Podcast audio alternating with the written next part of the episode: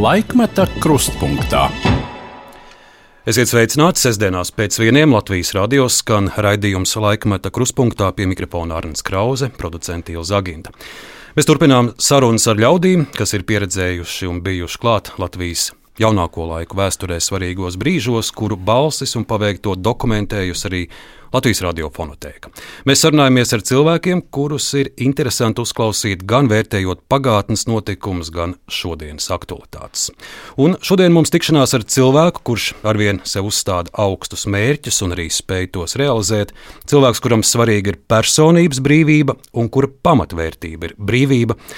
Atmodas laika himnu Brīvība Baltijai ir tikai viens no šādiem brīvības apliecinājumiem. Komponists Zigmārs Liepiņš. Zigmārs, sveicināts! Ja šie būtu tādi klasiskie miera laiki, es droši vien sarunu ar tevi sāktu nu, gluži kā pie tāda atmiņu uguns, kur ņemot vērā, ka šis tev ir apaļš jubilejas gads. Vai arī, nezinu, varbūt uh, runātu par tomātiem, jo vienbrīd uh, no preses šķita, ka Jā, ar tomātiem tu esi pārņemts vairāk nekā, nekā ar mūziku vai, vai Facebook. Bet šis nav miera laiks, un, un par tomātiem mēs šodien nerunāsim. Tavas pirmās emocijas, kāds ir tavs skats uz visām tām šausmām, kas šobrīd notiek Ukrajinā? Nu, jā, tas šausmas jau ir ielgušas īstenībā. Jo, nu, man tā sajūta ir, ka tas nav pārgājis no vienas otrā, tāda teikt, bez pauzes faktiski. Jā. Bija Covid, divi gadi izslēgti no dzīves, būtībā normālās. Un, un tikko mēs paspējām drusku attiekties, tā kā tikko kaut kas tāds sākās šis pilnīgais vaiprāts, kas notiek uh, Ukraiņu zemē. Un būtībā līdz ar to es pat nevaru nokomentēt tās savas izjūtas, jo, jo turpinās īstenībā tas pats, kas ir sācies. Tikai varbūt vēl briesmīgākā formā, nu, ar slimību. Droši vien var cīnīties um, ar kaut kādiem medicīniskiem līdzekļiem, un, un izvairīties, noslēgties un nebūt sabiedrībā. Un tā, bet, bet no kara nevar aizmukt nekur. Nav, tas nav iespējams. Un, um, jā, nu, tas atstāja dziļu nospiedumu. Nu, gan man, gan visiem, arī ģimenei un, un visiem cilvēkiem īstenībā. Ne, mēs jau, un tas ir tā jocīgi pavisam, kad pašā sākumā man pat bija dīvaini sajūta, ka, nu, ka es ēdu brokastis, un es domāju, cik ārkārtīgi muļķīgi ir, kad es tā mierīgi ēdu un aizēju nopērku veikalā to, ko es gribu. Un, um, un, un, un sēž pie galda un, un mierīgi jūtos. Un, un šajā pašā brīdī ir cilvēki, kuriem ir ārkārtīgi grūti un, un varētu teikt, ka viņu dzīvības ir apdraudētas. Nerunājot par to, ka viņiem īstenībā visticamākais varbūt pats mazums pietrūkst. Vispār, ja? Un es nerunāju par brīvību, bet es runāju pat kaut vai par elementāru dzīvības procesu uzturēšanu kaut kādā veidā. Ja? Un, tas viss kopā. Jā, Man, protams, radīja arī pārdomas, ka cik interesanti ir, ka mēs uh, uztveram Ukraiņu sāpīgāk nekā, piemēram, ja kaut kas tāds notiek Āfrikā. Nu, teiksim, notiek, ja tur kaut kur regulāri, kādā Somālijā vai kaut kur, bet to mēs kaut kā laikam neesam iemācījušies vai arī nevaram uh, tik līdzvērtīgi izjust, ja mums ir Ukraiņi tomēr tuvāka tauta kaut vai tāpēc, vien, ka mēs savā padomu savienībā kādreiz esam dzīvojuši kopā zem viena karoga, vai ne? Vairāk vai mazāk. Nu, un arī tomēr Ukraiņas iebrucējs, viņš ir arī mūsu kaimiņš. Un, jā, nu, tas Šis ir agresors. ļoti reģionāls un tāds ar mums saistīts lietas. Nu, kā, nu, jā, nu, Katrā ziņā dažādi procesi tajā brīdī apstājās, tādi garīgie.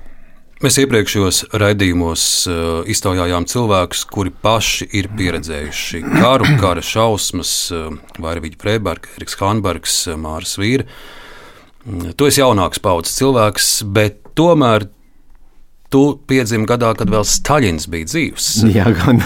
vai, vai mēs varam vilkt kādas paralēlas, ka viens Staļina veidīgs atkal mums te ir blakus austrumu pusē?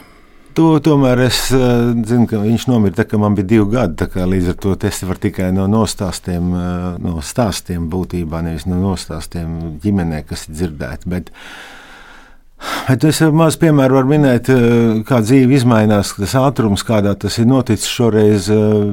Tas maz piemērs. Es esmu uzrakstījis grāmatu ar nosaukumu muzeīka, muzeīka ja, apvienojot vārdu mozaīka un mūzika kopā.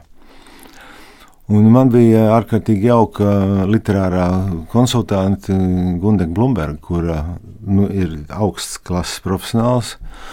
Un kad mēs šo grāmatu man rediģēja, es rakstīju pēcvārdu tajā grāmatā. Pēcvārdā es gribēju rakstīt šādus vārdus, kad es nevis gribēju, bet es biju uzrakstījis viņus, un kurā bija tā, tā teikts, ka. Um, kad man, man ir tomēr, es varu būt laimīgs par savu dzīvi, jo es esmu izdzīvojis dzīvi bez kara. Tas bija vēl janvārs. Un cik ārkārtīgi interesanti mēs izsvītrojam šās vietas ārā. Ja, tāpēc, kāpēc to nu, tā speciāli uzsvērt?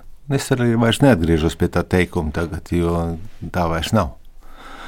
Bet Tas ir tas, kas noticis manā dzīvē, kad karš mums nav aizskārs tādā nozīmē. Nu, mēs esam dzīvojuši totalitārismu laikā, un mēs esam pārdzīvojuši dažādas posmas, un ārkārtīgi interesants posms dzīvē, kā visu šo Latvijas atbrīvošanās uh, laiku. Un, un tā, bet nu, karš nav bijis. Karš arī vēl nav tagad, bet tas kara drauds būtībā viņš ir apkārt un viņš ir rokas sasniedzamā attālumā. Tā. Kāds ir tavs skaidrojums, kādēļ Putins šo visu iesāka? Nu, es mm, neuzņemtos apgalvot uh, psihiatriskās eh, slimnīcas ārstu cienīgus apgalvojumus. Ja? Es domāju, ka Es domāju, ka tās impēriskās tieksmes, kuras eh, ir Krievijā, tomēr bijušas vienmēr kaut kādā veidā, šī, tāpēc jau mums ir tas bīstamais moments pa jūru, kas mums ir tuvumā, ja, un kas ir nepieciešama izēja. Un ko darīja Pēters I beig beigās? Ja, tas bija ceļš uz jūru, viņam vajadzīja gan Melno jūru, gan Baltijas jūru. Abas šīs jūras bija tie mērķi, kādā veidā impērijai bija jāpaplašinās. Un, um, es domāju, ka nekas nav mainījies šajā lietā. Paliek jautājums tikai to, vai mēs šodien esam bijuši vairāk aizsargāti nekā tas ir nu, bijis varbūt. Uh, Livonijas laikā, vai nu, kad Latvija vēl nebija kā valsts vispār. Ja? Kad tā bija teritorija, kas piederēja varbūt Zviedrijiem vai Poļiem, vai nu, kam nu tur arī nebūtu. Ja? Bet nu, tie, tā geogrāfiskā situācija nu, ne jau vēl mēs pa, pa krustcelēm ja mēs runājam. Ja? Tādā vai citādā formā nu, mēs mēģinām izmantot šīs krustceles uh, sev par labu tirzniecībā līdz tam brīdim, kamēr vienā jaukā brīdī kāds grib to punktu paņemt sev. Nu, viņš tas šis punkts eh, vienmēr kādu interesē. Un, nu, viņi, es domāju, ka tas izskaidrojums ir tikai šajā punktā, galvenokārt. Viens tās ir Putins, vai to arī sako Krievu, Krievu iedzīvotāju reakcijai uz šo iebrukumu Ukrajinā. Īpaši es vēlētos dzirdēt tavas domas par uh, Krievijas slavenību vai, vai tādu zvaigžņu reakciju. Mēs redzam, piemēram, kas šobrīd notiek ar Maksimu Galkinu, kurš bija viens no pirmajiem un varbūt tas skaļākais, kurš iebilda karam. Viņš faktiski šobrīd vispār tiek izsvītrots no visurienes. Jā, nu, jā, es domāju, ka es, es tomēr pievienojos tai domai, ka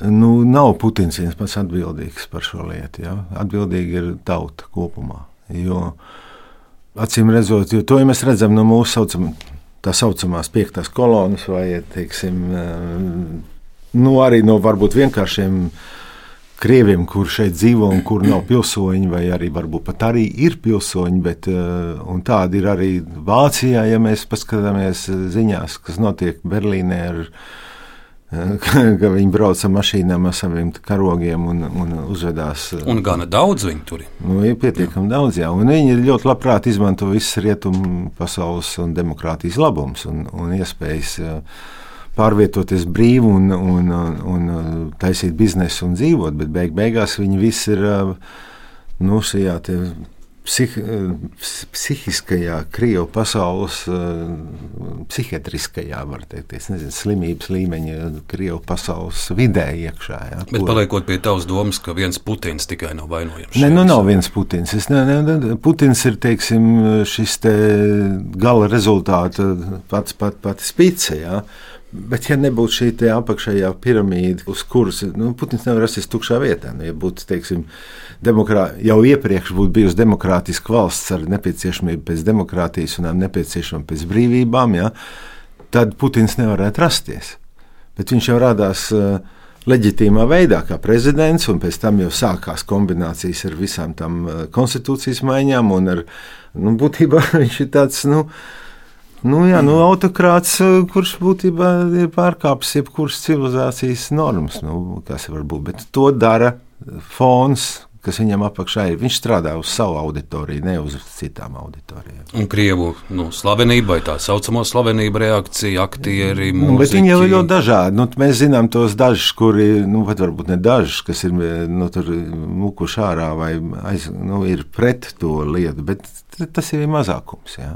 Tie ir ļoti nedaudz cilvēki īstenībā. Jā. Un uh, tas nav Jā, nu, es domāju, ka tas nav pat rādītājs kaut kādā mērā. Jā. Vienkārši nu, nu, viņi bija gatavi riskēt, un iespējams, ka viņiem ir kaut kādas iespējas. Nu, nu, viņi varēja to gājienu izpildīt, jā, bet um, tas, neveido, tas neveido fonu pareizo, kas ir vajadzīgs. Es tev sekoju Facebook, un tu gana tiešā valodā arī uh, komentē dažādas aktualitātes vai nebūšanas, arī par karu Ukrajinā pēdējā laikā gana daudz raksta. Viens uh, īstais komentārs, kurus pēc tam lūkšu tev paplašināt. Citēšu: Katrs mēģinājums pateikt, ka pie šī necilvēcīgā kara ir vainīgs tikai puķka un viņa morālo kropļu kliķa, nav tiesa. Vainīgi ir viss krievu tauta, mūžīgi mūžos, kā arī daži Latvijas komponisti. Šo domu es tev palūkšu plašāk. Nu, es teiktu tā, ka šis ir tāds laiks, kurā skaidri un gaiši ir jāsaprot, kurā pusē tu stāv. Te nav, nav, te, šeit nav vairs tas variants, ka mēs varam tā padruskai un te nedaudz teikt, kā sieviete vai nu ir stāvoklī, vai viņa nav stāvoklī. Te ir tāds variants. Un, ja kāds komponists ir eh, nostājies pusē, kurā nu, ir Putina krekliņa, ja, un uh, nu, kā vismaz ir presē publicēts, vai ne? Ir Imants Kalniņš konkrēti. Jā. Nu, man ir ļoti žēl, ka tāds ir. Jo tāpēc, ka es viņu pietiekoši labi pazīstu, ļoti sen es viņu pazīstu. Es viņu pazīstu no 70. gadu sākuma, faktiski no 60. gadu beigām.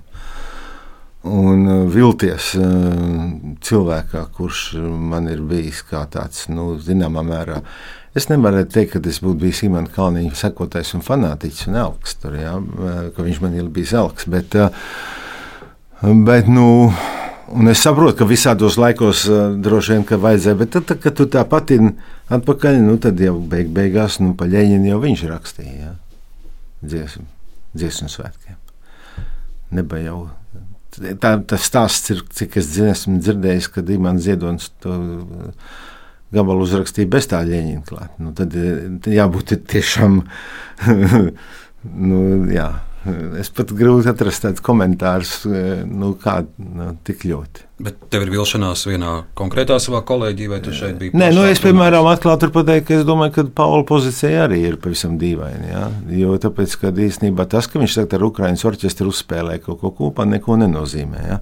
Viņa pirmais. Um, Paziņojums bija, ka, ka miers ir vajadzīgs, bet nu, vispār principā viņš no tā viss norobežojās. Tas nav viņam vispār ir personisks uh, dabas lietas, kad Lānis slimnīcā un tā tālāk. Lāni, gan īsā, īsā laika vēlāk mums bija mājas sanāksme, cik sagadījies, ka mēs dzīvojam vienā mājā.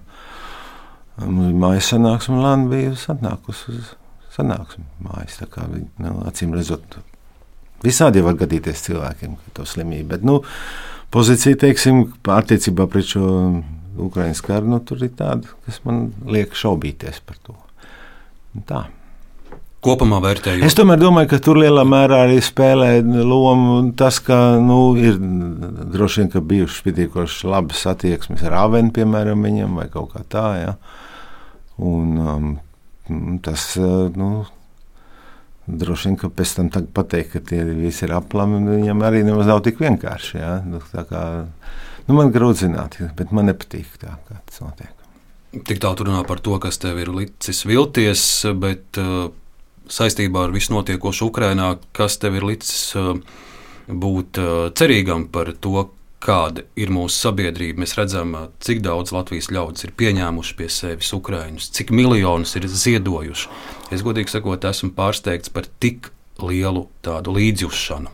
Jā, un tas, ir, tas runā par labu īstenībā mūsu tautai. Jā, tas runā par labu. Jā. Tā kā būtībā mēs vēl neesam, respektīvi, šajā spēlē mēs vēl neesam visu pazaudējuši. Ja? Mēs vispār jau Man vakar iznāca piedalīties vienā sarunā, kur runāja par to, ka būtībā civilizācija šobrīd nu, Eiropas civilizācija, nu, zināmā mērā pasaules civilizācija met lielu kūleni, ja, kurš šobrīd lietas mainās. Mūsu acu priekšā mēs redzam, ka notiek transformācija. Diplomāti vairs nevelk kā šlips, piemēram. Ja. Zaļenskis ir atstājis iespaidu uz uh, Makrona, tas ataudzē bārdiņu vai tur kaut ko vēl tam līdzīgu. Nu, tur, tur rodās tādas transformācijas, kuras mēs nekad nevarējām iedomāties.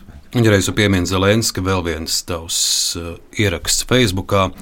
Noskatījos Zelenska runa pārliecinoši, klausos un mani pārņem skaudība. Kāpēc mūsēja ir tik pelēki un blāvi, emocionāli tukši un pliekani?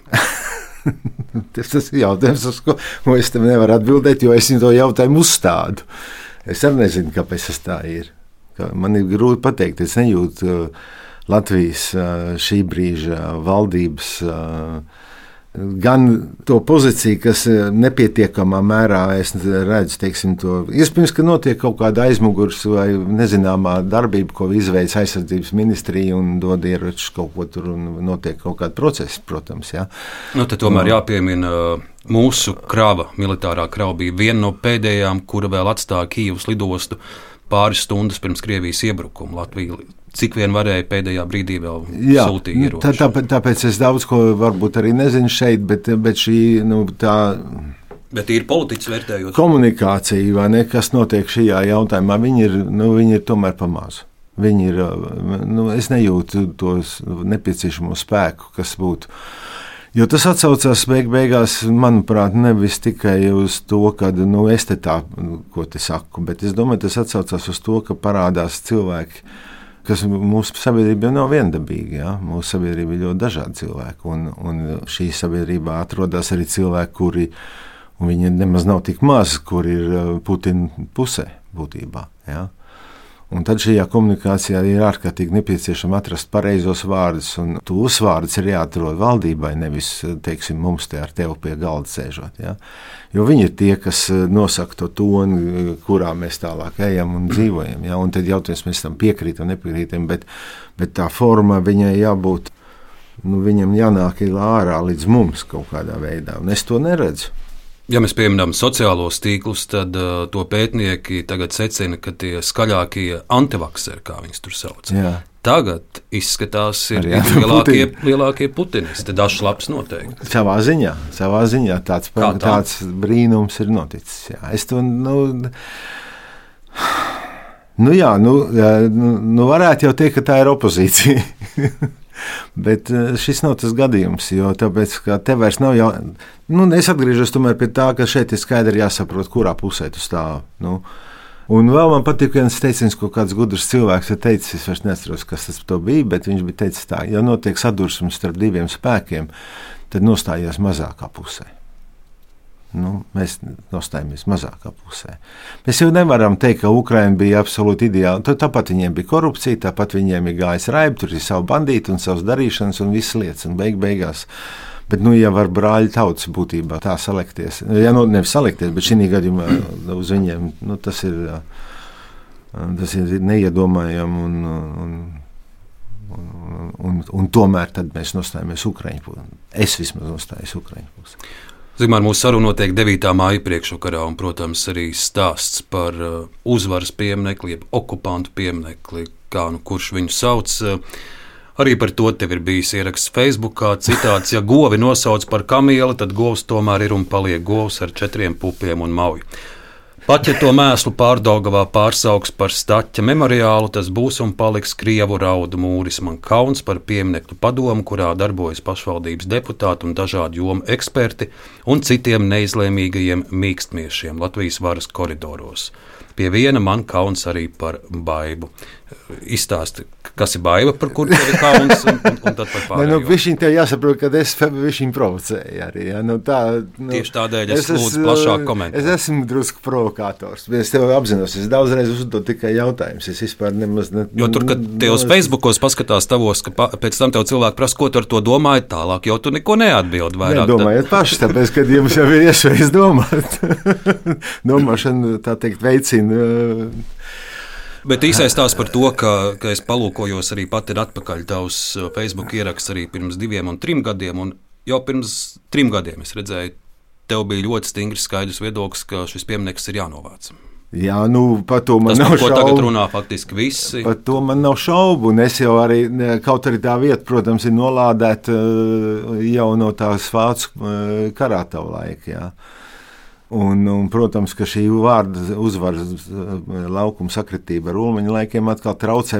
Ja būtībā jau ir runa par uzvaru par bermontiešiem un vispār par Latvijas atbrīvošanos pirmajā reizē, jā, nu, par pirmās valsts, valsts eh, brīvvalsts radīšanu. Jā, un, eh, Ne, nu tā ir tāda pilnīga nelaime. 85. gadā faktiski palika vēl tikai viens pusotrs gads, ka, ka tas nebūtu noticis nekad. Bet tas notika tajā vismuļķīgākajā brīdī, 85. gadā, kad viņi uzbūvēja to pieminiektu. Nu, nu, nu, viņš ir jānojauc. Tas ir pilnīgi skaidrs. Tur nav nekāda jautājuma. Es saprotu, ka būs skandāls. Tas ir skaidrs, ka tur nāks pieminiektu aizstāvi, tur būs rādīts. Nu, priekš tam mums ir kaut kāda drošības spēka tomēr. Ja? Un ir kaut kādas pozīcijas, un ir līdzekļi, ar kuriem tās lietas tiek novērstas. Nu, tas ir uzdevums, kas ir jādara tiem, kurus tauta ir ievēlējusi. Nu, ja tauta domā, ka jānovāc, es jau viens pats nedomāju tā. Tā domā daudzi. Un otram kārtam šodien viņš simbolizē nu, ļoti nepatīkamu situāciju. Ja? Jo tieši tie tēli, kas ir, varbūt tas obelisks pats par sevi vēl, nav tas trakākais. Tur īstenībā, manuprāt, tas, tas šausmas sākās tur, kur ir tie divi blakus esošie tēli, kur tas ar to automātu nesās. Un, un tur, ja? Tas ir tas, kas tu to jau nu, vai, tad, lēnā garā nevar to obelisku momentā nocirst. Tad vismaz katrā ziņā tos briesmīgos tās figūras varēja jau nu, sen aizvākt. Tavs paredzējums, kas notiks 9. maijā Rīgā Pārdaugavā, kas notiks Daugopilī, kas notiks tavā dzimtajā Liepājā, kur arī liela Krievu kopiena. Jā, bet tur jau nav tāda pieminekļa Liepājā. Pa Daugopilī es godīgi sakot nezinu, kas tur ir. Es neatceros, ka es pēdējo reizi tur esmu bijis vispār, jā, bet Bet, bet man liekas, ka Lietpājā bija tā saucamais piemineklis aizstāvjiem Lietpājas, un manuprāt, viņi pārcēla uz citu vietu. Pie ostas viņš atrodas tur, kur tagad ir uh, Rīgā, ne Rīgā, kad brauc iekšā pie ostas. Un, uh, Nu, viņš bija piemineklis konkrētai darbībai. Nu, tur bija kaut kāda nedēļa, stāvēja priekšā uh, Krievu karavīri, ka nāca vācieši iekšā un, un tā saucamiem liepais aizstāvjiem tika uzbūvēts tas piemineklis. To novāc, bet tas nebija okupācija. Tas bija pa vienu. Nu, tas, es neaizstāvu šī, šī pieminiekta eksistenci, bet katrā ziņā tas vismaz ir konkrēts kaut kāds notikums, par ko bija runa. Ja? Un, un tālāk ar to tas arī beidzās. Un tomēr tas pieminieklis ir novākts kaut kur. Viņš ir pārcelts uz kaut kādu vietu. Es nezinu, tur īsti. Bet kāds būs šis devītais maija? Tur būs, jā, es domāju, ka tur būs raibi. Jā. Es domāju, ka tur būs raibi un tur būs, būs es domāju, ka jāgatavojas drošības spēkiem ir uz sadursmēm. Raiba mums gāja arī šos ierobežojumu gadus Covid laikā, kāds tev bija šis posms. Nu, es redzēju, atkal pieminēsim Facebook, tu gana daudz rakstīji, un tas mans vērojums, tu nebija ne tāds uh, vakcīnu atbalstītājs, ne pretinieks, bet uz dažādām muļķībām norādīja gan, ka, piemēram, koncerti nevar notikt, bet uz azartspēlēm vai uz sporta spēlēm var cilvēki iet un tā tālāk. Jā, nu, tāpēc, ka ne, nu, man Nu, man dzīvē ir tā, ka man, man patīk konsekvences kaut kādā veidā. Nu, man patīk, vai nu tad, akal, tas ir tāpat kā par Ukrajinu. Vai tu tur esi vienā pusē, vai tu esi otrā pusē. Nu, ja mēs pieņemam kaut kādus lēmumus, nu, tad mēs viņus, vai nu tad mēs viņus pieņemam un pildām, vai nu tad mēs nepieņemam un nepildām. Nu, Es jau nevaru iestāties Perivošķiko vietā, tieši tāpat kā es nevaru būt kara analītiķis. Ja? Man nav ne zināšana, ne arī uh, ne arī spējas to izdarīt. Ja? Nu, lielākoties man pat nav zināšana. Ja? Vienkārši. Bet ir no šiem sociālajiem tīkliem, kas, protams, daudz ko neparāda, bet, bet tā ir daļa Latvijas sabiedrības. Kādu tu ieraudzīji to mūsu sabiedrību? Nu, un es redzēju, ka ļoti, tu mēģināji arī tur cīnīties dažkārt ar tām viltus ziņām un norādīt, bet, bet man liekas, diezgan nesekmīgi. Nē, nu jā, nu, tas, zini, no tā Covid laikā ar te Facebookā es parakstīju tikai, zini, man ir tā, es te varu atklāt pateikt, ka Tas ir tā, nu, ja viena naktis sliktāk guļās, tad ir vairāk ierakstu. no rīta radās nepieciešamība pateikt, ko es domāju. Nu, tad, ja es nevaru savādāk to izdarīt, es teiksim, nu, Uh, uzdodot kādu provokatīvu jautājumu. Lielākoties man ir jautājuma forma, ja tu esi ievērojis. Tad, uh, tad uh, es tā, ne, tā milzīgi neapgalvoju kaut ko. Ja? Nu, par to pieminiektu gan, un par kāru arī par Zaļenskis apgalvoja. Jau. Tās jau ir, tur es, vairs, tur es neuzdodu jautājumu, vai jūs domājat, ka Zaļenskis ir labāks par kariņu, piemēram, ja? vai kaut kā tā. Tādas jautājumas, tā es to neprasu. Ja? neuzdod jautājumu. Un vispār, es domāju, nu, tā jau vairāk tāda socializēšanās ir nu, kaut kādā veidā. Nu, nu, Nu, ja tur ir kādi cilvēki, kas tam seko līdzi un kādam tas interesē, nu, es, tā, es tā pasaku to domu. Nu, es domāju, ja tas kādu ietekmē, ja es esmu pateicis kaut ko jēdzīgu, uzmaz, nu, tad tas ir. Nu, Kādi cilvēki ar mani domā vienādi, un tas mums nav slikti apzināties. Un vēl viens temats, kur es vēlos dzirdēt tavas domas, jo arī par to tu uh, publiski izsakies. Koncerta zāles stāsts un tavas kā kompanijas domas, tu esi bijis arī gana as savos izteikumos. Arī pret uh, toreizējo kultūras ministru Melbārdi, arī par Jā. izvēli būvēt uz AB dambja. Jā, bez šaubām. Es, es, man tur daudz jādomā. Es ir, ir tādas lietas. Es, es varētu maz atkāpties, izdarot atpakaļ. Es varētu pateikt, ka ir viegli man runāt, jo eh, es pat tad, ja gribētu melot, es nevaru samelēties. Es vienmēr saku tieši to, ko es domāju. Ja, jo es ne, man nesanāk sameloties, jo es domāju, naktas vidū tu man pacelt, un es tieši to pašu pateikšu, ko es tagad saku. Ja? Un es uzskatu, ka tas, ko es teicu tur, arī pie tā paša es arī varu šodien palikt. Ja? Kad koncerta zāle uz AB dāmas bija absurds. Uh, jo viņš bija daudzu variantu dēļ, jo tāpēc, kad ir piemēram, autostāvvietu dēļ, uh, lokalizācija, kā piekļūt klāt cilvēkiem. Es domāju, tas ir praktisks lietas. Ja? Kā pa to tiltu, ko viņi bija plānojuši no, no Svetbankas puses, iet, es iedomājos sievietes, kuras ziemā dodas ar, ar, ar tikko no mašīnas izkāpjot diezgan pie mūsu ziemeļvēja, kas pa daudzo pūš tā kā par ori, jā, kā viņas iet uz koncertu. Jo koncerta sezona mums nav vasarā, koncerta sezona mums ir rudenī un ziemā. Un tagadējā izvēle par kongresu namu? Nu, tas ir tāds klips variants. Nu, labāk laikam nav šobrīd, ja, bet baidos, ka akustiski viņi nevarēs būt. Tāpēc, es esmu dzirdējis tikai es ne, ne, kaut ko par griestu augstumu, jo tur ir kaut kas saistīts ar UNESCO kaut kādiem noteikumiem, es nezinu ar ko.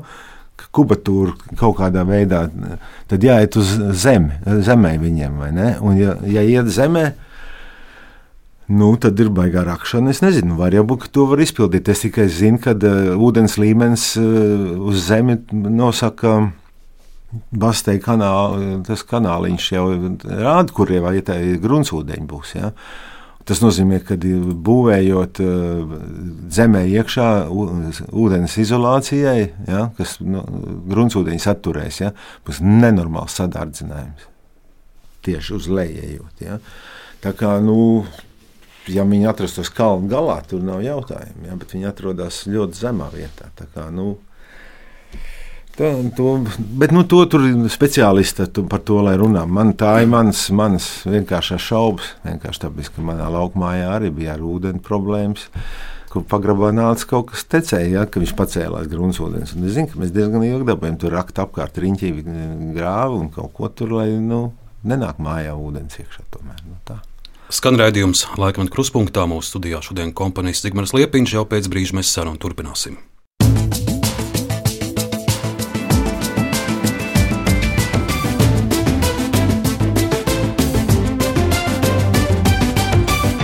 Laikmeta krustpunktā. Zigmār, mūsu raidījuma neiztrūkstoša sastāvdaļa ir arī dažādi arhīvi un citas dokumentālas liecības, un um, tādas skanēs arī šodien. Ceru, ka kādu no tiem būs arī tev interesanti atcerēties un dzirdēt. Uh, ja reiz mūsu saruna notiek šeit Doma laukumā, pirmais stāsts man būtu par uh, Latvijas radio tavus uh, pirmās atmiņas, sākot darbu šai namā, un es pavēroju radiofonotēkas ierakstus, um, saskaitīju vairāk nekā 800 mūzikas vienības, tur, protams, arī atkārtojumi, bet, bet pati Pirmā reģistrētā dziesma ir Kiršulietus 1975. gada 9. decembris. Es teikšu, godīgi, man ilgu laiku likās, ka tā ir Rēmonda Paula kompozīcija, un arī Jā.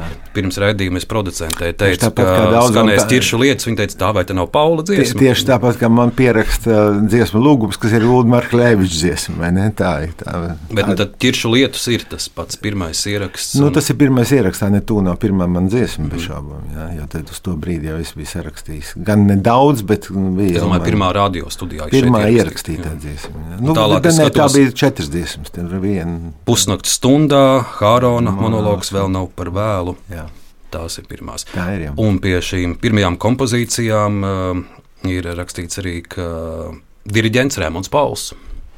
Kāda bija tā, tā pirmā sadarbība ar Meistroju? Ne, es nevaru iedomāties, ko viņš varēja tur diriģēt. Nu, tā dokumentēts ir. Nu, ne, vis, ne visam var Es klāt nebiju, es nebiju Nē, nu, ne, nē, ne, zinu, kā tas varēja būt vienīgais, ka tajā brīdī tas ansamblis, ko es spēlēju, bija tas, kas vēl nebija acīm, bet tajā brīdī viņš saucās Modo. Modo, jā, tā rakstīts. Un tad, kad viņš saucās Modo, tad vadītājs bija Raimons Pauls, bez šaubām. Es biju viens no muzi muzikiem. Mm -hmm. Un tāpēc līdz ar to droši vien ierakstīja Modo un vadītājs Raimons Pauls. Jo tajā laikā nu, es biju vien, vienkārši viens instrumentālists. Jā. Tā kā var gadīties, ka es to nezināju, protams, ka tas ir tā, bet tur diriģēt vēl jau vairāk nav ko tajā gabalā. Ko tur tā diriģēs? Tā. Es klausoties, Es domāju, ka tas ir dokumentāli nepieciešamā birokrātiskā kārtība. jā. tavu sadarbību ar Rēmondu Paulu. Vai par to Es būs arī kaut vairāk, kas es esmu, grāmatā es rakstīts? esmu tiks? daudz aprakstījis grāmatā par to. Ne daudz, bet man ir nodaļas, kuras es esmu uzrakstījis. Un, um, un, un, tā, tur ir um, dažādi dzīves posmi, dažādos posmos ir dažāda tā sadarbība bijusi. Un, uh, Pāris teikumos to raksturoju. Pārsteigums ir tā, ka es, eh, ja nebūtu Paula, visticamāk, es te nesēdētu kaut kādā mērā. Tam pateicoties, vai tā bija man tā brīža labākā izvēle aiziet pie viņa strādāt uz viņa aicinājumu. Ja? Par to es daudz domāju tajā brīdī, kad tas notika. Bet tas ir tik sen, un man bija tik maz gadu vēl, kad uh, tur nebija arī daudz variantu. Un, Uh, un pēc, tam, pēc tam viņš man ir atstājis uh, pliku un nabagu vien pašu ar visu to ansambli. Ja. Līdz tam brīdim, kad mēs bijām kopā, tad, uh, tas jau bija vadītājs, un tas bija ārkārtīgi nozīmīgs posms attīstībā manā pus, dzīvē. Ja. Nu, tālāk es paliku viens pats ar visu to, kas tur bagāžu, kas tur bija. Nu, tikko es paliku viens pats, tad, kā tur jau skatījos pēc ierakstiem, vairs Latvijas rādio neparādās ne man ieraksts, ne man intervijas kaut kādas. Kā es pazudu no ētera. Un tas ir tas iemesls, ka, cik es esmu dzirdējis, jūs dzīvojat vienā mājā, bet tā īsti nesveicināties. Mēs sveicināmies, kā tu nē, nu, viņš saka, moinas. Oh. Jā, nu kā savā. Tad tas ir pārspīlēts. Jā, stāsts. nē, nu, nē, es drusku. Klau, mēs esam nu, jau tajā vecumā, abi. Jā, viņš vairāk, es mazāk, ka nav vairs. Kā nu ir bijis, tā nu ir bijis. Jā. Tur jau nav vairs vērts. Ne, bet par to faktoloģisko es savā grāmatā uzrakstījis, kāds notika. Jā. Daudz jau to nerunā šeit, jo tāpēc, ka, nu, ne, nu kā, nu, viņš ir sarežģīta personība. Un uh, es arī neesmu galīgi vienkārši nu, tā kaut kā. Ja tu teici, ka tu diez vai te sēdētu, ja, ja nebūtu šī satikšanās doma. Nu, es nebūtu aizgājis pie viņa strādāt, es nestrādātu. Paulu, un, un diez vai Zigmārs Liepiņš šodien būtu raidījumā, ja nebūtu tavi uh, pirmie arī mūzikas skolotāji. Šodien mēs varam pieminēt gan Liepājas skolotāju Inesu Gludiņu, kur, kā tu esi teicis, tev ir izvilkusi no nulles līdz konservatorijai, un arī tavs uh, konservatorijas pasniedzējs gan Hermani Braunu, gan Dīls Graubiņu. Jā, jā, nu, jā arī viņa grāmatā aprakstīts. eh, Arī, nu, tur ir ļoti daudz epizodes, kas ir. Bet nu, nav, šodien jau nu, mēs viņus nesāksim pārunāt. Tad, tad ir raidījums pa īsu. un tā. Bet pirmais uh, audio fragments, kurus vēlos atskaņot, ir 2003. gada lielā mūzikas balva. un Tā tiek pasniegta Valdim Vikmanim, un uh, tev tiek uzticēts uh, šo balvu arī pasniegt. Valdis Vikmans, uh, Liepājas mūzikas vidusskolas leģendārais direktors. Fragments no 2003. gada. Es domāju, ilgi ar kādiem vārdiem es varētu šodien nākt uz skatuves, jo es pat nezinu, kāpēc izvēle kritus uz mani, jo no Liepājas ir nākuši tik daudz ļoti talantīgi cilvēki, kuriem būtu gods šo balvu pasniegt mūsu vismīļotajam direktoram un mūzikas metram Liepājā. Tas, ko es sākumā biju izdomājis un ko es Gundai teicu, ko es teikšu, to es tagad vairāk tomēr neteikšu. Ja man bija gatava viena anekdote, bet to es sapratu, ka es nestāstīšu. Man liekas, ka šī balva tomēr līdz galam neietver pilnīgi visu to, kas būtu jāpasniedz šajā reizē Valdim Vikmanim. Jo ārpus tā, ka viņš darbojās Liepājā kā muzikas skolas dvēseli, direktors, muzikas centrs visus tos gadus, cik es atceros, cik es biju Liepājā, tomēr es domāju, ka šeit papildus vajadzētu būt otrai balvai, kas būtu par mūža ieguldījumu mūzikas menedžmentā, mūzikas administrēšanā un mūzikas kultūra politikas eh, veidošanā, kas notika Liepājā. Šeit varbūt ar diviem vārdiem tika pieminēts eh, otrais sekretārs, bet es skaidri zinu, ka Liepājas muzikas skola nekad nebūtu tapusi par to muzikas skolu, par ko viņa tapa, ja direktors un eh, tās dvēseli valdes Vikmans nebūtu izmisīgi plēsis ārā no kultūras ministrijas tajā laikā naudu, par kuru tika būvēta šī skola, par kuru tika veidots šis orķestris, par kuru tika izveidots šis viņa mīļotais lejas kurzems. Es kā šodien atceros šo vārdu lejas kurzems centrs. Ja. Pirms vēl Lembergs varbūt bija sācis runāt par savu pilsētu. Liepājā valdes Vikmans runāja par lejas kurzemes kultūras centru. Un būtībā tas arī ir tas viņa lielākais varbūt nopelns, ka no šī kultūras centra Latvijai tik daudz cilvēku nākuši.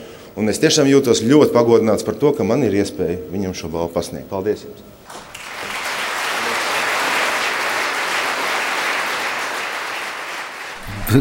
gan ar manu tēvu, viņš bija saistīts ar manu mātu. Un, Un, uh, viņa pie viņa, viņš jau bija jau skolas direktors, tad, kad jau uh, viņa mācījās tajā skolā, 49. Nu, tajos gados. Viņš bija plus pie visa, viņš bija ārkārtīgi iejūtīgs.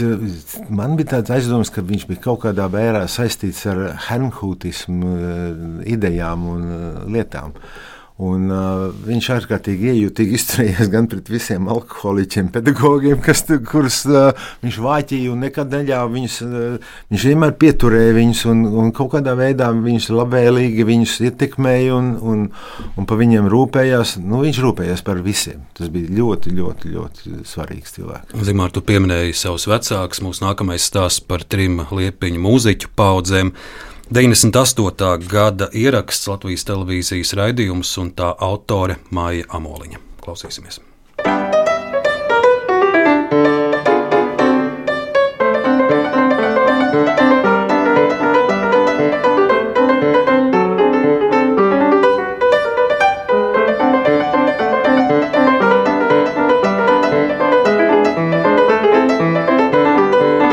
Kur tu mācies patreiz? Domu koru skolā.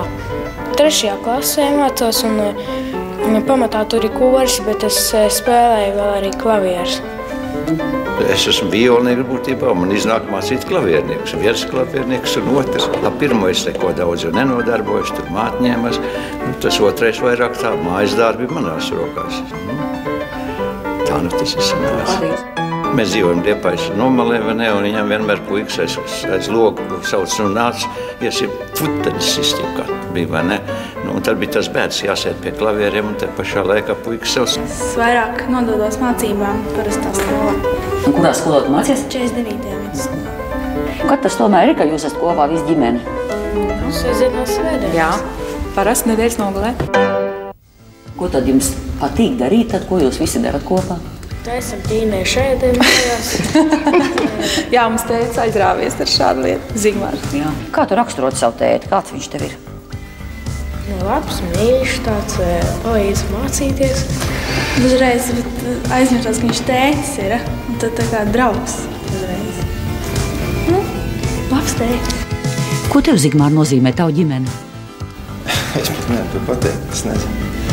Nu kā, nu tas ir nu, nu, pamat, pamats. Šeit mēs dzirdam tev svarīgākos cilvēkus, gan tēti, gan mm. tas, kas sākumā pie klavierēm spēlē. Tas šobrīd ir slavenais diriģents Jā, jā. Jānis Liepiņš, un arī, arī Mirds dzirdam, un arī Jā. meitu. Nu, jā, nu, tāda, tāda mums tā ģimene ir. Jā. Es nezinu, ko tur daudz piebilst. Es tikai vakar atbraucu no Oldenburgas, kur viņš diriģēja Oldenburgas. Uh, Orķestri kopā Balanos. Un, Un arī Vasks tur skanēja. ja, es Vasks, sapratu, jā. viņi spēlēja Vasku vieļu koncertu un uh, Čekovs 4. simfoniju. Jā, Tomēr nedaudz par savu tēvu. Es esmu lasījis, ka, ka Lietpājā nu, tie, ļoti daudz, kas mācījās vijoļu spēli, ir caur tavu tēva rokām. Man tajā grāmatā būs mazliet nofotografēts. Viņam bija ļoti rūpīgi pierakstīts katrs nozarbības, cik viņš ir apmeklējis un cik ir gājuši. Un tas ja, nu, absolūti visi zināmie tā laika muzeķi gājuši caur viņu rokām cauri, un arī nemuzeķi, kā piemēram arhibīskaps Vanaks. Mm. Jā, tā kā tā. Nu, un tās tēva atmiņas, ka tev tur kaimiņu puikas mēģinājuši Nu, tas ir labi. Nu, no, tas ir no, tā, no klavierēm aizbīdīt Nu, jā, nu, bumbu. bet, nu, saprotams, ja tu dzīvo no ezermalas eh, divu soļu attālumā un, un citu šādi iet, un tu sēdi mājā klimperē, nu, tev nekāda tur varianti jau nav. Tikai viņš bija viņa nepatiesība teica, viņš jau nebija tas, kas tur uzmanīja. Uzmanīja māte. Tā tas bija. Nākamais eh, kinofragments, eh, kuru es vēlos arī tev parādīt, ir 1976. gada kinožurnāls Padomu Latvija. Un tajā gadā liela, liela Latvijas eh, delegācija dodas uz Maskavu un citām Krievijas pilsētām. Un arī 24 gadus vecais, ja es pareizi esmu saskaitījis, Zigmārs Liepiņš Tieši tā, jā. tiek arī iekļauts Latvijas delegācijā. Mazs fragments no šī brauciena. Tas bija modo. Nu, lūk, te ir kultūras ministrs Kalpušs. Mēs redzam arī Vija Artmane un Elza Radziņa un Kārlis Sebris un, un, un, un, un Aves Sola un Kokari. Un, protams, arī Raimons Pauls un Modo un arī jaunais Zigmārs Liepiņš. Nu, es, es zinu to, jā, nu, tas ir uzdaļās ap citu. Tā jau Maskava. Reku Pauls un Jā, jā.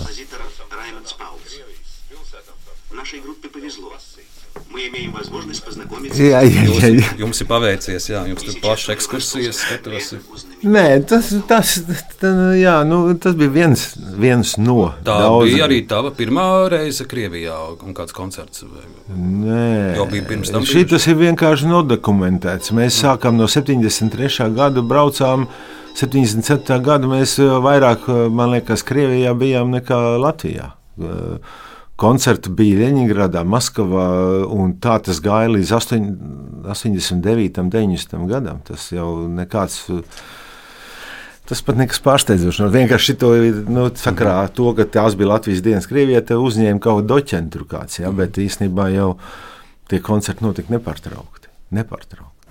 Tik tālu īsti tāds pārskrējiens padomu gadiem, bet uh, detalizētāk es vēlos, protams, tevi iztaujāt par uh, roko, par lāčplēs, par atmodas sākumu. Un, uh, pirms pāris gadiem tu dalījies ar mani ar vienu interesantu vēstures liecību, ar uh, video ierakstu, kur ir redzams, kā tu uz kultūras ministriju cenzoriem aiznes uh, lāčplēša notis un, un, un rokopers tekstu, mārzālīts librets un sēž vīri pelēkos uzvalkos, patiesi pelēkos uzvalkos un klausās, un šī droši vien ir tā retā reize, kad Zigmārs Liepiņš arī dzied.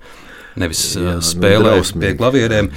To saka drausmīgi, lai, lai klausītāji to vērtē, bet Nē, uh, tur nav vairs ko vērtēt. Šāds ieraksts no 1988. gada sākuma. Jā, nu,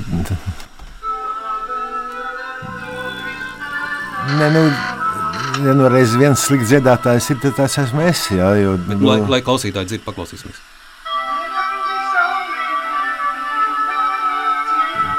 Es sieviešu partiju, ko man jādzied, ir, saproti? Es mēģinu rādīt. eh,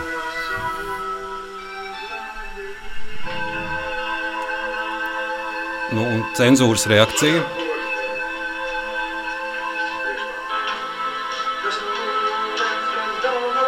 Nu, nu es koru dziedu. Tagad, tad es dziedāju mirdas balss, un tad tagad dziedu koru. Nē, nu, jā.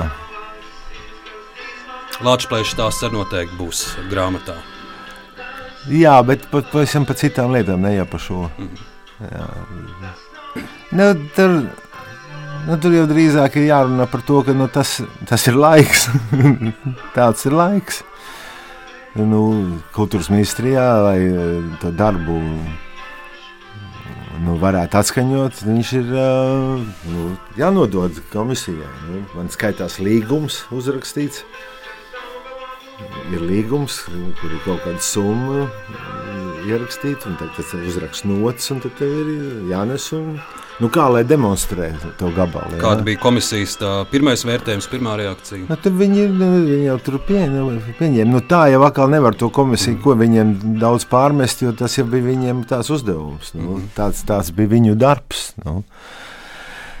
Vienkārši tas pats fakts, kā tāds, ka tev nepietiek, ka tu aiznes notis, lai kāds apskatās, bet nu, tad- es izskaidroju, ka es varu parādīt tā tādu mājas veidot ierakstu. Nu, šodien to sauc par demo. Bet es jau nevaru no visas partijas iedomāties, ka es visu to operu nodzirdēju. Tas jau nebija tikai šis gabals, bet es divas stundas sēdēju un māvu. Nu. Un, nu, neko, tā, tā bija. Bet bija vērts, jo jā, ar joku mēs runājām, pateicoties šim darbam, Zigmārs Liepiņš arī kļuva par pēdējo LPSR nopelniem bagātu Protams, tāda ir. Tev vajadzēja būt, kurš ar gariem matiem nāk ārā. Un, mēs ko, es biju kopā ar Ilmāru Blūmbergu. Man, man bija liels gods. Un ar Pinni. Pinni bija pēdējais tautas mākslinieks. starp citu. Tā kā Blūmbergs dabūja nopelnīt bagāto reizi ar mani. Nu, savs labums jau no tā bija. Tā nevar teikt. ka Pēc tam uh, vienā partijas kaut kādā komitejā man mašīna atļāva, atļāva nopirkt. Dosimies uz trauksmaino 90. gadu sākumu. Tu pieminēji mašīnu, un mašīnas fakts arī tūlīt skanēs. Tur, tur saka, ka tev principā vajadzētu braukt ar Mercedesu, bet tu brauc ar 9. žiguli. Es nezinu, vai tu atceries. Tas ir tas devītais žiguls, ko es dabūju. Ah, nu tad viņš arī tūlīt, tūlīt, lai klausītājs saprotu, par ko ir runa. Fragments no kinožurnāla Māksla 92. gads sākumā būs fragments no uh, mikrofona koncerta mēģinājuma. Jā.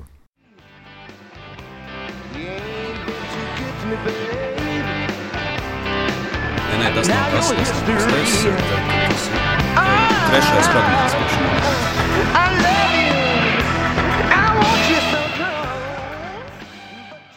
Roka operas Latvijas autors, spilgts teātris, mūzikas autors, vēlāk, kas zina, varbūt arī vēl kultūras ministrs. Bet šobrīd, šobrīd viens no koncertu organizatoriem, kā LM studijas līdzīpašnieks, un ja arī nākotnē viņš tomēr nebūs kultūras ministrs, tad šobrīd mēs viņam sakām paldies par aizaptaujas koncertiem. Bet tagad aši atpakaļ 75. gadā, kad populārāko dziesmu skaitā uzreiz iekļāvās Zigmāra Liepiņa ķiršu lietus un ķiršu lietu noran.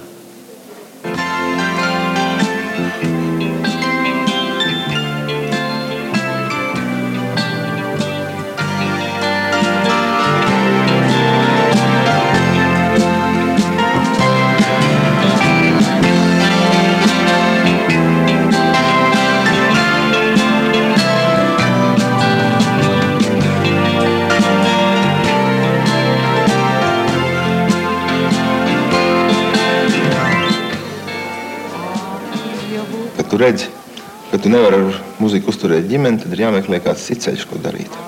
Neviens muzikants nepelna naudu tikai ar muziku vienu. Ja tev ir maz naudas, tad tu apgrozies sabiedrībā, kurā ir salīdzinoši maz naudas, attiecīgi izdevumi tev ir mazi. Nu, Tad nevajag pirkt, teiksim, dārgu uzvalku vai šlipus, teiksim. Man šodien jāsaka domāt, ka es braucu ar 9, bet faktiski man vajadzētu braukt ar Mercedes. Tas tā piederētos pie stila un statusa. Partijās es neesmu bijis nevienā. Tas man ir pilnīgi absolūti dokumentāli droši. Jā. Es te biju ziepes sataisījis. Es esmu pēdējais Latvijas nopelnē bagātais mākslas darbinieks.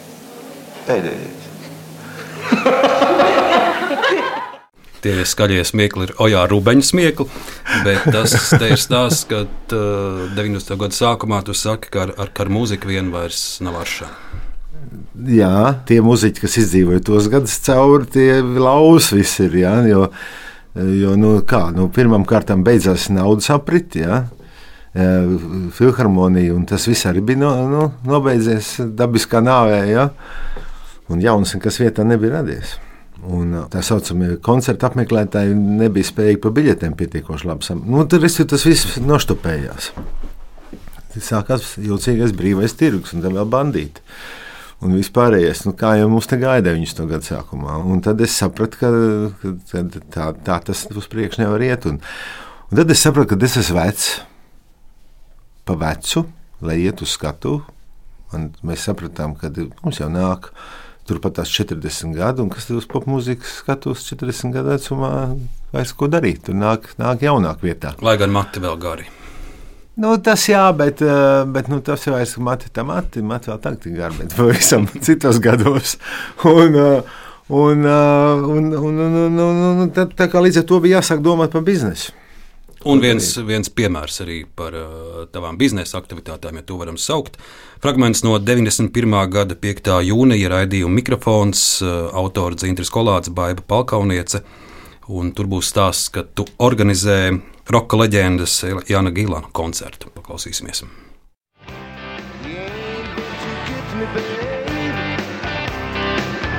Now your history.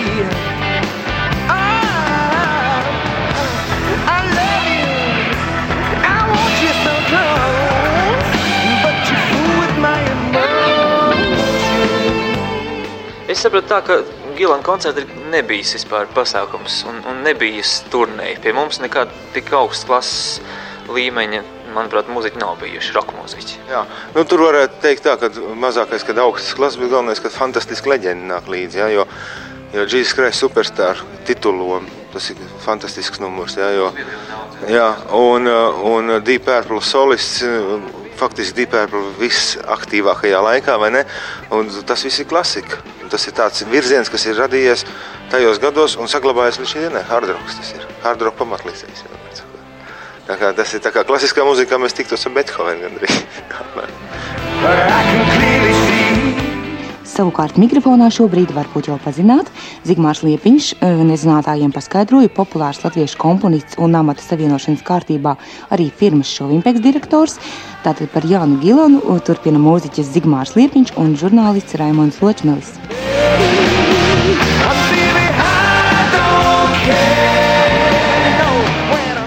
Kāds bija ceļš Gilanam līdz Latvijai, un vai šī turnē ir plašāka, un kā, kā viņš, kā viņš nokļuva līdz Rīgai? Nu, tas ceļš ir iestaigātais. Ir ceļš tradicionāli, kā visi līdz šim veidotie koncerti, kas Latvijā ir bijuši saistīti ar ārzemniekiem, nāk tomēr no Maskavas. Ja?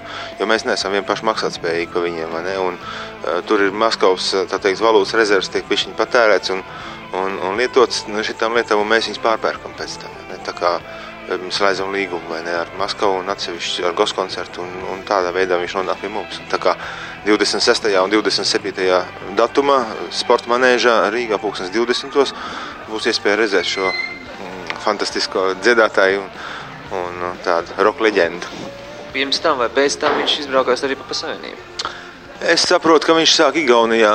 Viņš sāk Igaunijā pirms Jāņiem. Pa vidu viņš aizbrauca uz Helsinkiem ap Jāņiem pēc Jāņiem viņš ierodās tieši pie mums uzreiz. Un pēc tam viņš brauc tālāk, es zinu, uz Liepāju, un, pēc tam viņš brauc tālāk uz Lietuvu un, un, un daudz kur citur. Kā ar biļetēm šajā koncertā? Ar biļetēm sāksim tirgot no 10. jūnija. No 10. jūnija Šovimpēks birojā, Universālā veiklā, Sporta pilī, Filharmonija tradicionālās vietās, kur tas būs. Biļets būs samērā dārgs vispār. Bet, bet tagad tradicionāli jau vienmēr viss, viss mēra pēc dolāriem, cik tam maksā dolāros kaut kas. Ja? Un saka tā, ka nu, zin, visiem labi zinās, ka dolāra kurs 35 vai 36 rubļi, 36 rubļi par, par dolāru. Man jāsaka, ka biļets cena nebūs dārgāk par pusotru dolāru. Ja? Tas atbilst tādai labai tas, tasai kafijas rietumos. Teiksim, ja? Mums tas ir varbūt padārgi, bet nu, tiem, kam tas interesēs, es domāju, tas nebūs tā. Nu, nost. Man ir sajūta, ka tu šo neatcerējies. Nē, Nē. Nu, kā tu sajūti, es neatceros. Nu, tas ir, Bet te ir arī kaut kas tāds, kas es... 21. gadsimtā sabiedriskajā radio nav iedomājams. Bet 91. gadā bija uh, radio raidījumā, tiek reklamēts, kur var iet un pirkt biļetes. Tagad tā būtu reklāma, kur vairs arī nav. Bet, bet ilgi bet... jau nebija. Vēl. Nu, tas jums tikai vienu gadu jau nu, ir zināms. Nu, jā, nu, nav jau ko tādu tā liekties. Bet šī epizode bija tā kā pazudusi. Nu. Nu, viņas nav, vienkārši nav. Man, man Te vēl svarīgi piebilst, vēl jau nav puķis pat bijis. Nu, tāpēc jau tā Maskavas nauda tur parādās kaut kādā. Jau tāpēc, ka Goskoncerts rīkoja tos koncertus. Nu, Nē, nu tas bija nu, tā, nu, jukas un jukas. Nu, kā, nu, mēs nodibinājām to šovimpeksu, kas bija, no, Pauls atkratījās no filharmonijas tās sadaļas, viss izmet ārā. Mēs laimīgi savācām, kas tur palika pāri, uztaisījām firmu nosaukumu Šovimpeks. Faktiski no šodienas viedokļa mēs viņu privatizējam. Kaut kādā mērā filharmonijas viena daļa. Nu, bet nu, tā nebija privatizēšana. Un līdz ar to mums piekrita visi šie no koncerti, kā mēs sākam rīkot. Un tad, tad jau no tā izrietēja, tas jau nebija vienīgais koncerts. Bija daudz. Daudz koncertu. Modern Talking arī, jā. Boens bija, un tad tur bija arī Krievu koncerts. Mēs rīkojam Hazānovu un Pugačovu un, un, un, un, un, un Strīpām. Un koncerta strīpām tika rīkot arī laikā, kad tu vadīji Radio SVH. Tas arī ir svarīgs tavs Jā. dzīves posms. Ļoti. Mans kolēģis Aits Tomsons pirms četriem gadiem raidījumā Kruspunktā tev vaicāja, vai Zibaram Liepiņam nepietrūks darbošanās radio. Man būs interesanti dzirdēt atbildi šodien, bet lūk, ko tu teici pirms četriem gadiem. Nav tā, ka pietrūkst darbošanās radio? O, nē. Nē, tas ir noiets etaps pilnībā Absolut, un galīgi. Tikko 25 gadu jubilejas. Nu, tam man, man nekāds sakars tev vairs nav. Nemaz negribas. Nē. Savulaik taču ieguldīts diezgan daudz enerģijas. Uh, bet tas ir biznesa. Tas, tas tomēr bija tikai biznesa. Tas bija, nu, teiksim tā, drusku arī bija vēl kaut kas cits. Jā, jā. Bet, nu, viņi, teiksim, ambīcijas kaut kādas, kuras tu vari realizēt. Nu, tas kaut kāda lieta kārtība, kur tu uzskati, ka, ah, oh, tas nebija pareizi, un tad tu sarunā, ka, jā, to mēs jautājumu paceļam augstāk, un tā kaut kā tā varēja, jā, tas bija. Bet, nu, tas maksimālisms jau paiet kādu laiku. Nu, ko tā atšķirās opera no radio? Opera arī tikai biznesa. Nu, opera, opera ir process. Tas ir pavisam kaut kas cits. Jo būtībā nu, opera, nu, radio, nu, teiksim, salīdzinoši, ja mēs runājam tā, radio bija jāizveido no nulles uz uh, zināšanām arī nulli. Faktiski, ja? tikai tādas iedomas, kā tam vajadzētu būt, jo nu, Latvijas rādio piedalās, bet nebija modelis, pēc kā mēs varējām virzīties. Ja? Komercradio struktūra šeit nebija nevienam pazīstama un iepazīstoties ar to, kā, kā tam būtu jābūt. Uh, nu, tika izveidots šis modelis, un laika gaitā tika papildināts, un tad tika, tika meklēt vēl vien vairāk jaunu, jaunu, jaunu risinājumu. Kamēr viņš faktiski nu, kaut kādā veidā nostabilizējās kā mēdījis, un tomēr um, tad, protams, izveidojas arī kas pieļaujamais, nepieļaujamais. Nu, Komerces radio tomēr atšķirība no sabiedriskā. Tas ir tas, ko es vienmēr arī uzskatu par um, ļoti lielu nozīmi sabiedriskā radio funkcionēšanā, ka šeit nebūtu jābūt reklāmām. Nu, lūk, reklāmas vairs nav. Jautājums es paliek. cīnījos ilgus gadus par šo jautājumu. to mēs visi jutām. Bet eh, jautājums paliek, vai Zigmaram Liepiņam nepietrūkst radio? Nē, man nepietrūkst. Nē. Radio ir mainījies uz šodien. Viss ir, viss ir citādāk. Es domāju, ka tas, tas process ir noticis pareizi.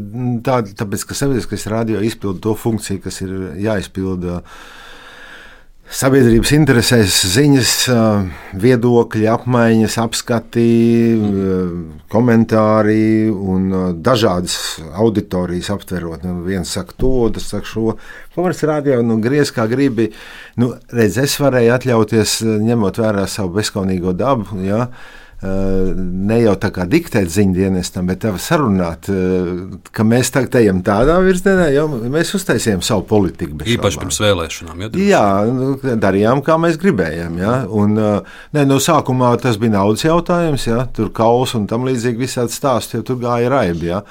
Bet, eh, bet pēc tam, kad tas nostabilizējās, tā mums bija kaut kāds konkrēts viens tāds viedoklis. Un tas viedoklis lielākoties bija ne jau tā kā baigi saskaņoja, bet nu, tu jau labi zini, labāk par mani zini, kā ziņu selekciju var taisīt. Tev ir tūkstoši ziņas, bet tu laidi tikai četras. Bet jautājums, kurš četras no tā tūkstoša tu laidi? Ja? Tas jau ir tikai tas uh, redaktora jautājums. Ja? Es domāju, ka šodien komercradio vairs ziņu jautājums ir stipri otršķirīgs.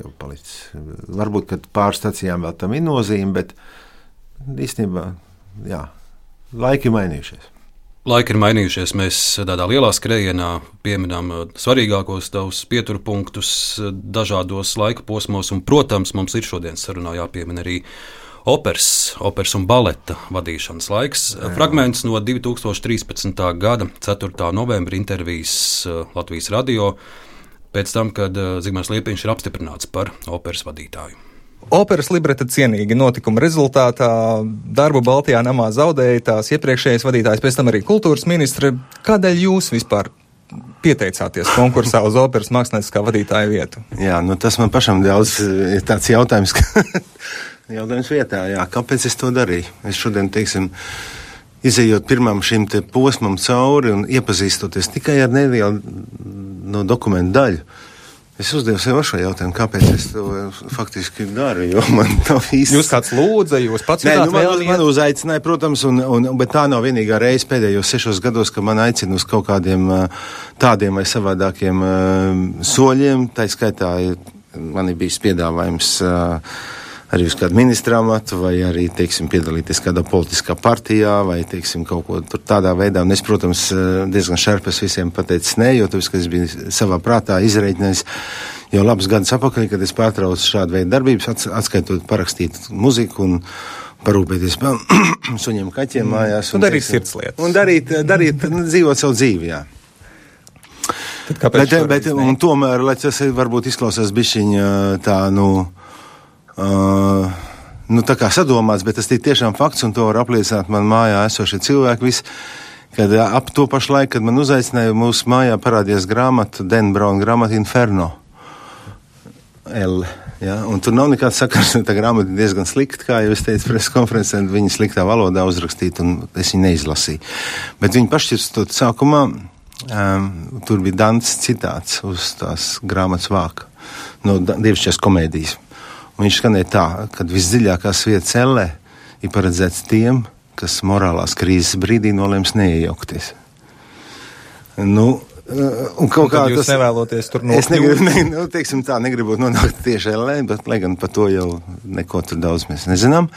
Bet kaut kā man nonāca jautājums vairāk aktualizējās par jēdzienu morālā krīze. o, Kur notiek būtībā milzīga krīze. Tā nebija tikai morāla, bet viņa dažāda rakstura krīze, kas notika operā. Un tad es tā izdomāju, ka, nu, labi, es mēģināšu to darīt. Zigmārs Liepiņš mēģināja, un kā tagad eh, daudz atzīst, bija ļoti sekmīgs operas vadītājs. Nu, faktiski šāda veida sekmes jau iegūt ir ļoti vienkārši īstenībā. Tev jāieklausās cilvēkos, nu, jāzina drēbe un jārīkojas godīgi. Nu, vairāk neko daudz nevar. Nu, tu nepārlieks augstāk par to, kas tu esi, bet, uh, bet tu vari, un tad radoši pieiet pie procesa, kas nozīmē, jā, bet klausīties, ko dara citi. Un, un, un, un kā es vienmēr biju ironizējot, bet uh, īstenībā patiesi tā domājot, un tad uh, sāc rīt ar sasveicināšanos ar apkopēju. Tad tā arī primadona tev cienīs. Tā kaut kā. Un sarunas ievadā es arī minēju, ka šis ir īpašs gads Zigmaram Liepiņam, 70. jubilejas gads, un es saprotu, ar to saistīts arī vairākas ieceres rudens pusē. Gan grāmatas atvēršana, gan uh, divi koncerti mūzikas namā Dēle. Es skatījos, viens jau ir izpirkts, un, Jā. un arī, arī svarīgs notikums, arī mesas atskaņojums.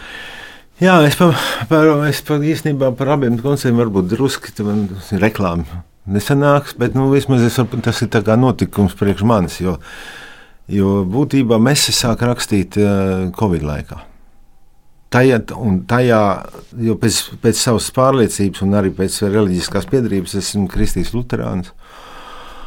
Un liturģiskā daļa ir um, pats varbūt svarīgākais posms visā dievkalpojumā. Un, uh, un es nonācu pie slēdziena, ka ir jāraksta mesa. Bet ir jādara tā, ka, lai viņi varētu tomēr klausīties arī cilvēku latviešu valodā, man jāizmanto latviešu teksts.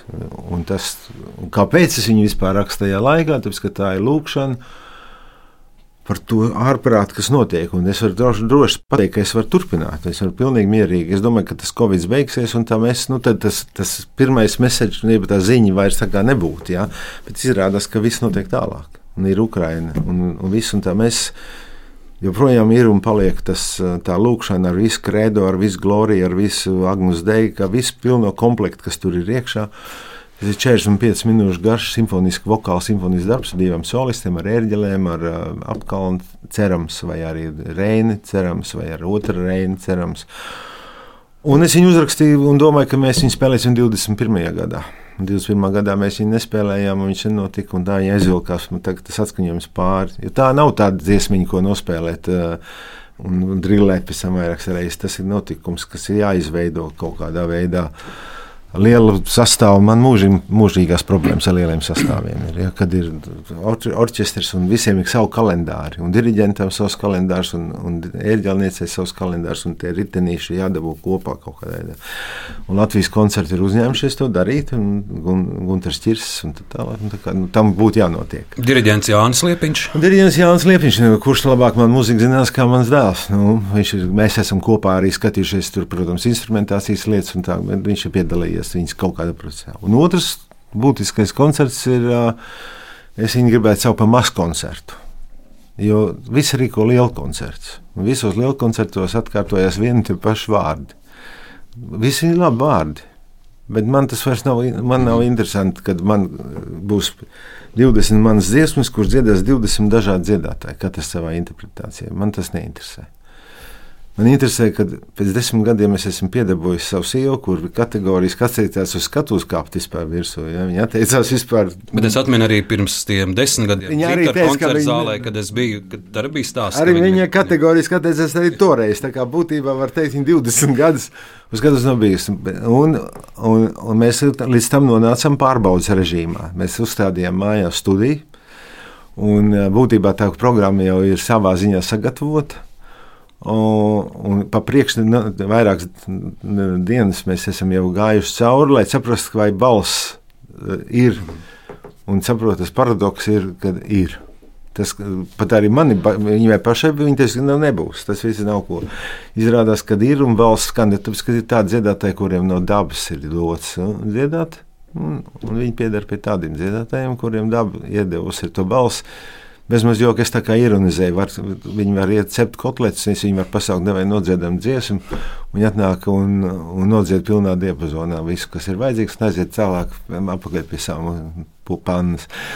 Bet nu, tas ir ironiski, protams, domāts. Un, um, un tur es uzaicināju arī grupu ar nosaukumu, dīvainu nosaukumu, bet tāda viņa ir Lupa kur spēlēja, es viņas redzēju tikai vienu reizi, kā viņi spēlēja, izcili spēlēja džezeroku fusion, tādu muziku. Un, un pat cik man tāda muzika ir drusku saglabājusies, kad kamēr dziedātāji atpūtīsies, tad mēs varam paspēlēt kaut ko tādu, kas ir. Uh, džekroku vairāk, tādu instrumentālu mūziku uz kādām 20 minūtēm. Un, un tad es ar, ar šiem puišiem tuvākajās dienās tikšos, un mēs iesim sāksim skatīties pavadījumus.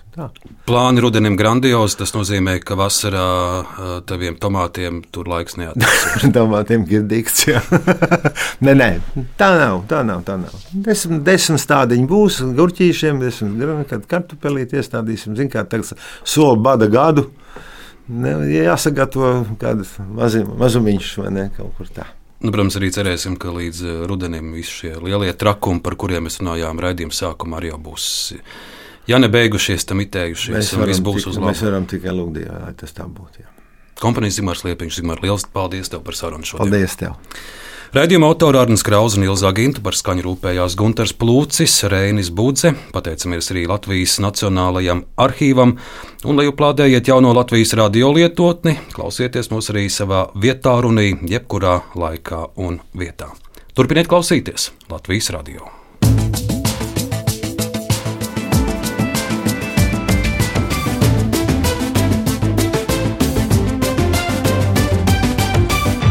Laikmeta krustpunktā.